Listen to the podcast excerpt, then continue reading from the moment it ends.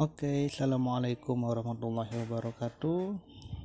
Five, four, three, two, one. Open your eyes. Oke, kelas BKIC. Selamat pagi. Kita mulai perkuliahan pengantar pengantar filsafat di pagi ini. Oke,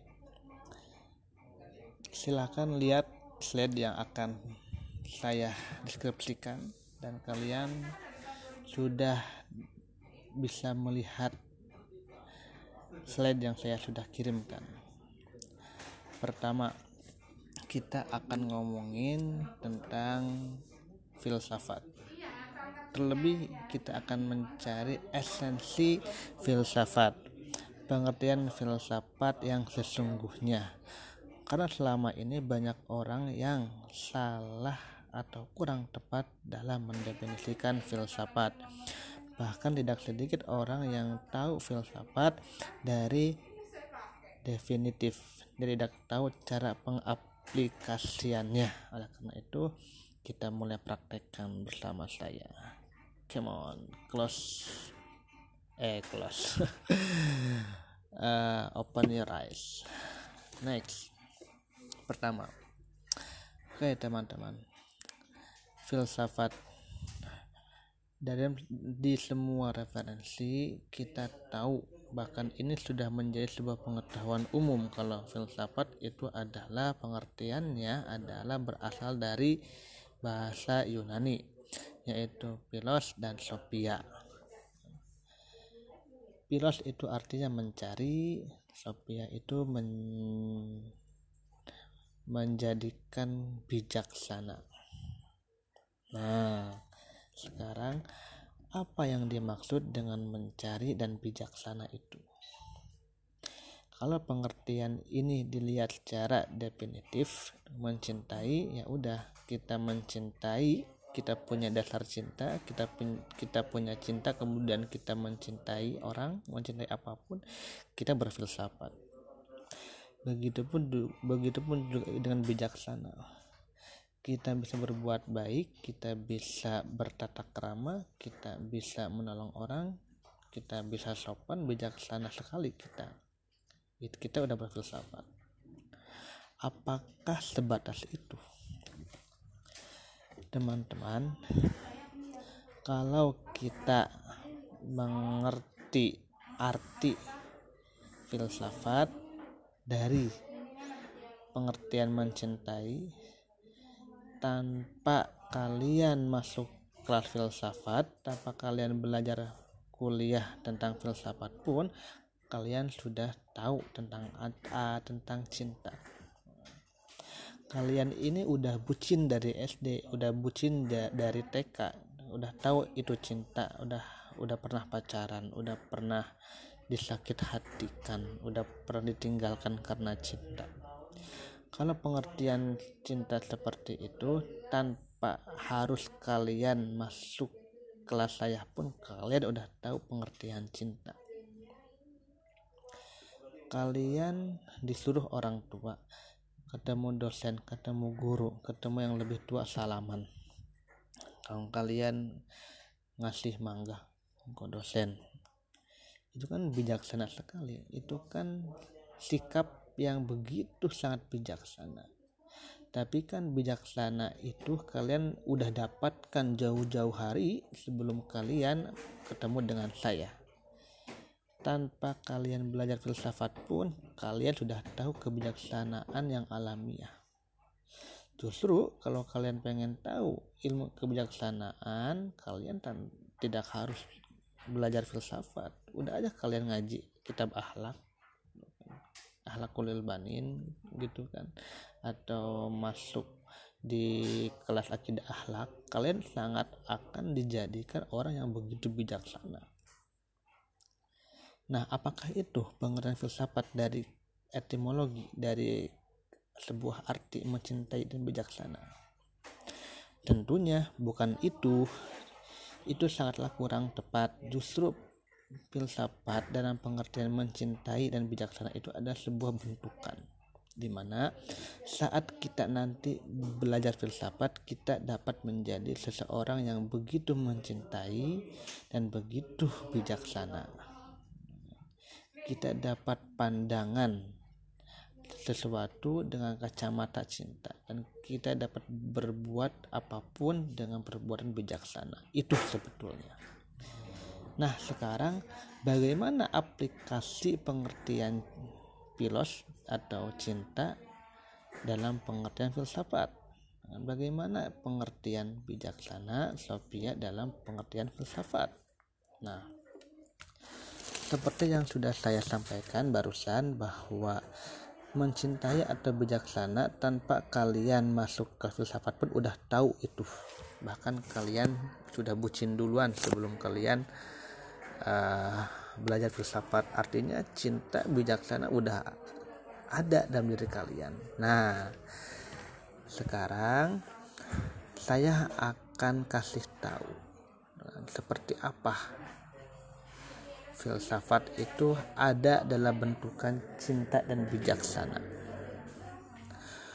kita bukan sekedar tahu arti cinta, bukan sekedar bisa melakukan bijaksana, tapi kita harus mencari tahu apa tujuan sebenarnya cinta dan bijaksana itu. Jadi, filsafat sangatlah uh, bisa diartikan upaya mencari pertanyaan lebih dari sebuah jawaban. Artinya, saat kita berfilsafat kita bisa menjadikan filsafat ini sebuah petunjuk awal untuk mencari sebuah jawaban dengan membuat pertanyaan. Oke, kita contohkan tentang mencintai misalkan. Mencintai mencintai itu adalah sesuatu yang sudah kalian tahu dan lakukan bahkan dipraktekkan mencintai seseorang gitu kan ciri cinta seseorang itu ngajak makan naktir gitu kan. kemudian dijemput gitu kan teleponan sampai malam waan kirim-kirim emot gitu. kemudian say love every time gitu. Nah kita masuk ke ranah filsafat. Apakah betul cinta itu seperti itu? Apakah mesti cinta itu saling menjemput? Apakah betul cinta apakah mesti cinta itu harus saling mengingatkan apakah betul cinta itu harus berkorban? Kita cari tahu makna yang sesungguhnya dengan membuat sebuah pertanyaan tentang objek yang sedang kita pelajari objek yang sedang kita amati objek yang sedang kita rasakan. Sehingga dengan pertanyaan itu kalian akan menemukan sebuah jawaban yang esensial jawaban yang sesungguhnya. Jawaban yang sering kali jawaban yang begitu objektif sehingga pengetahuan kalian tentang cinta itu sangatlah benar dan sangat bisa dipertahankan argumennya. Karena selama ini dalam peng, dalam dalam suatu dalam suatu apa realitas apa pun itu kita terjebak dengan pengertian yang relatif seperti halnya cinta yang barusan saya bahas itu mungkin buat sebagian orang cinta adalah pengorbanan. Sebagian orang cinta adalah kebahagiaan. Sebagian cinta, sebagian orang cinta adalah uh, bucin dan sebagainya gitu.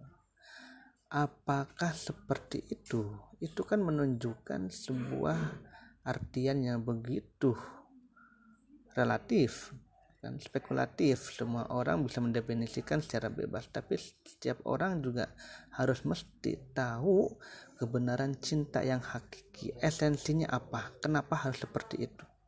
Yang ditekankan buatlah pertanyaan tentang hakikat itu sehingga kalian akan menjadi tahu apa sesungguhnya arti yang sebenarnya. Sama bijaksana juga kayak gitu dan kalian disuruh menabung oleh orang tua menabung pangkal kaya. Sekarang dibikin pertanyaan dengan kategori filsafat kenapa kita harus menabung? Kenapa kita kudu bijaksana? Kenapa kita kudu bahagia? Sampai pada akhirnya kalian mendapatkan sebuah jawaban gitu. dan jawaban itu menjadi jawaban yang sesungguhnya dari apa yang selama ini kalian renungi dari sesuatu yang sedang kalian pahami bahwa pemahaman yang sebetulnya bukan sekedar ada pada ranah cover rajinlah menabung pangkal kaya nah kan, bukan sekedar itu tapi kita bakal tahu kenapa kita harus kaya kenapa kita harus nabung? Kenapa kita harus menjadi orang yang begitu banyak uang dan sebagainya apakah betul kebahagiaan itu di bisa diraih dengan kaya gitu kan? Menabung itu untuk menja menabung kemudian kaya akan mendapatkan kebahagiaan. Apakah kebahagiaan bisa ditemukan dengan menabung dan banyak uang? Bagaimana dengan yang kebahagiaan yang lain? Itu kita bisa cari. Sehingga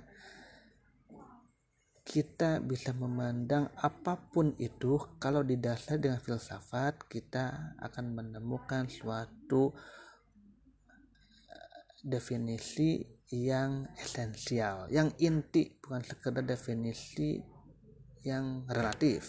Itu itulah mengapa kita wajib atau penting sekali belajar filsafat. Oke. okay satu itu. Kemudian bagaimana cara kita bisa mengimplementasikan kebijaksanaan? Tadi kan kata saya itu filsafat itu mencari kebenaran yang esensial yang sesungguhnya nah ada sebuah kolerasi yang harus kita implementasikan dalam kehidupan kita. Di saat kita menemukan sebuah kebenaran yang menurut kita sudah terlihat benar kadang kita suka lupa cara kita menyampaikan kebenaran itu. Makanya uh, filsafat di sini adalah sebagai cara dan upaya untuk kita bertingkah dan berpikir saat pikiran kita menemukan sebuah kebenaran contohlah kebenaran yang emang semua orang bisa mengatakan itu benar. Misalkan kalian punya teman punya teman yang eh, saya sorry sorry yang misalkan gendut atau apa ya ya yang hitam lah gitu kan. Gendut hitam itu itu kan kebenaran yang kalian lihat kebenaran yang kalian mengiyakan itulah kebenaran. Sehingga kalau di di apa kalau kita kemudian kebenaran yang kalian temukan tentang teman kalian itu kalian ungkapkan dengan sebenarnya. Dan kalian menyebutnya hai hitam hai ireng hai gendut hai sumo. Meskipun itu sebuah kebenaran tapi kan tidak semua orang bisa menerima itu. Karena tidak sedikit ketika orang ketika menjustifikasi itu menjadi bullying tindakan kejahatan. Oleh karena itu yang jadi alternatif yang bisa membackup saat kita bisa menerima kebenaran adalah dengan kebijaksanaan. Kita bisa menjadi sangat bijaksana saat kita belajar filsafat. Sehingga tidak meskipun itu sebuah kebenaran tapi kalau kita punya kebijaksanaan gitu kan dan kita tidak ingin saling menyakiti tidak saling ada yang yang terbuli itu tidak akan me, membenarkan atau kita tidak akan memberikan sebuah kebenaran yang absolut kepada orang itu. Meskipun kebenaran itu adalah benar cuma kan kita bisa melihat dari sisi yang lain. Sisi bijaksana itu. Oke okay. selanjutnya terus bagaimana pak kita berfilsafat? Pertama filsafat itu adalah kita mempunyai back backup B apa mempunyai backup bahkan backup sih background sorry. Ikut background. Backgroundnya apa? Backgroundnya berpikir. Nah kita bisa bedakan saat orang masuk ke ranah filsafat kan? Ranah filsafat.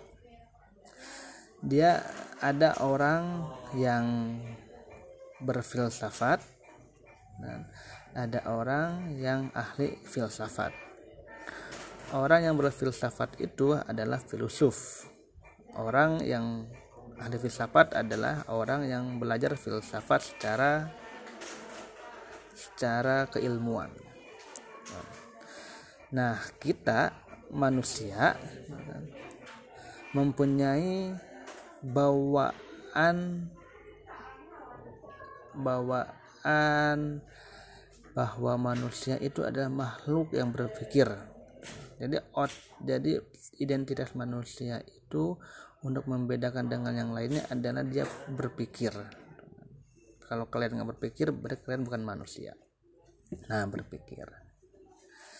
Berpikir sehingga filsafat pun adalah bahwa kategori kita berfilsafat adalah kita berpikir.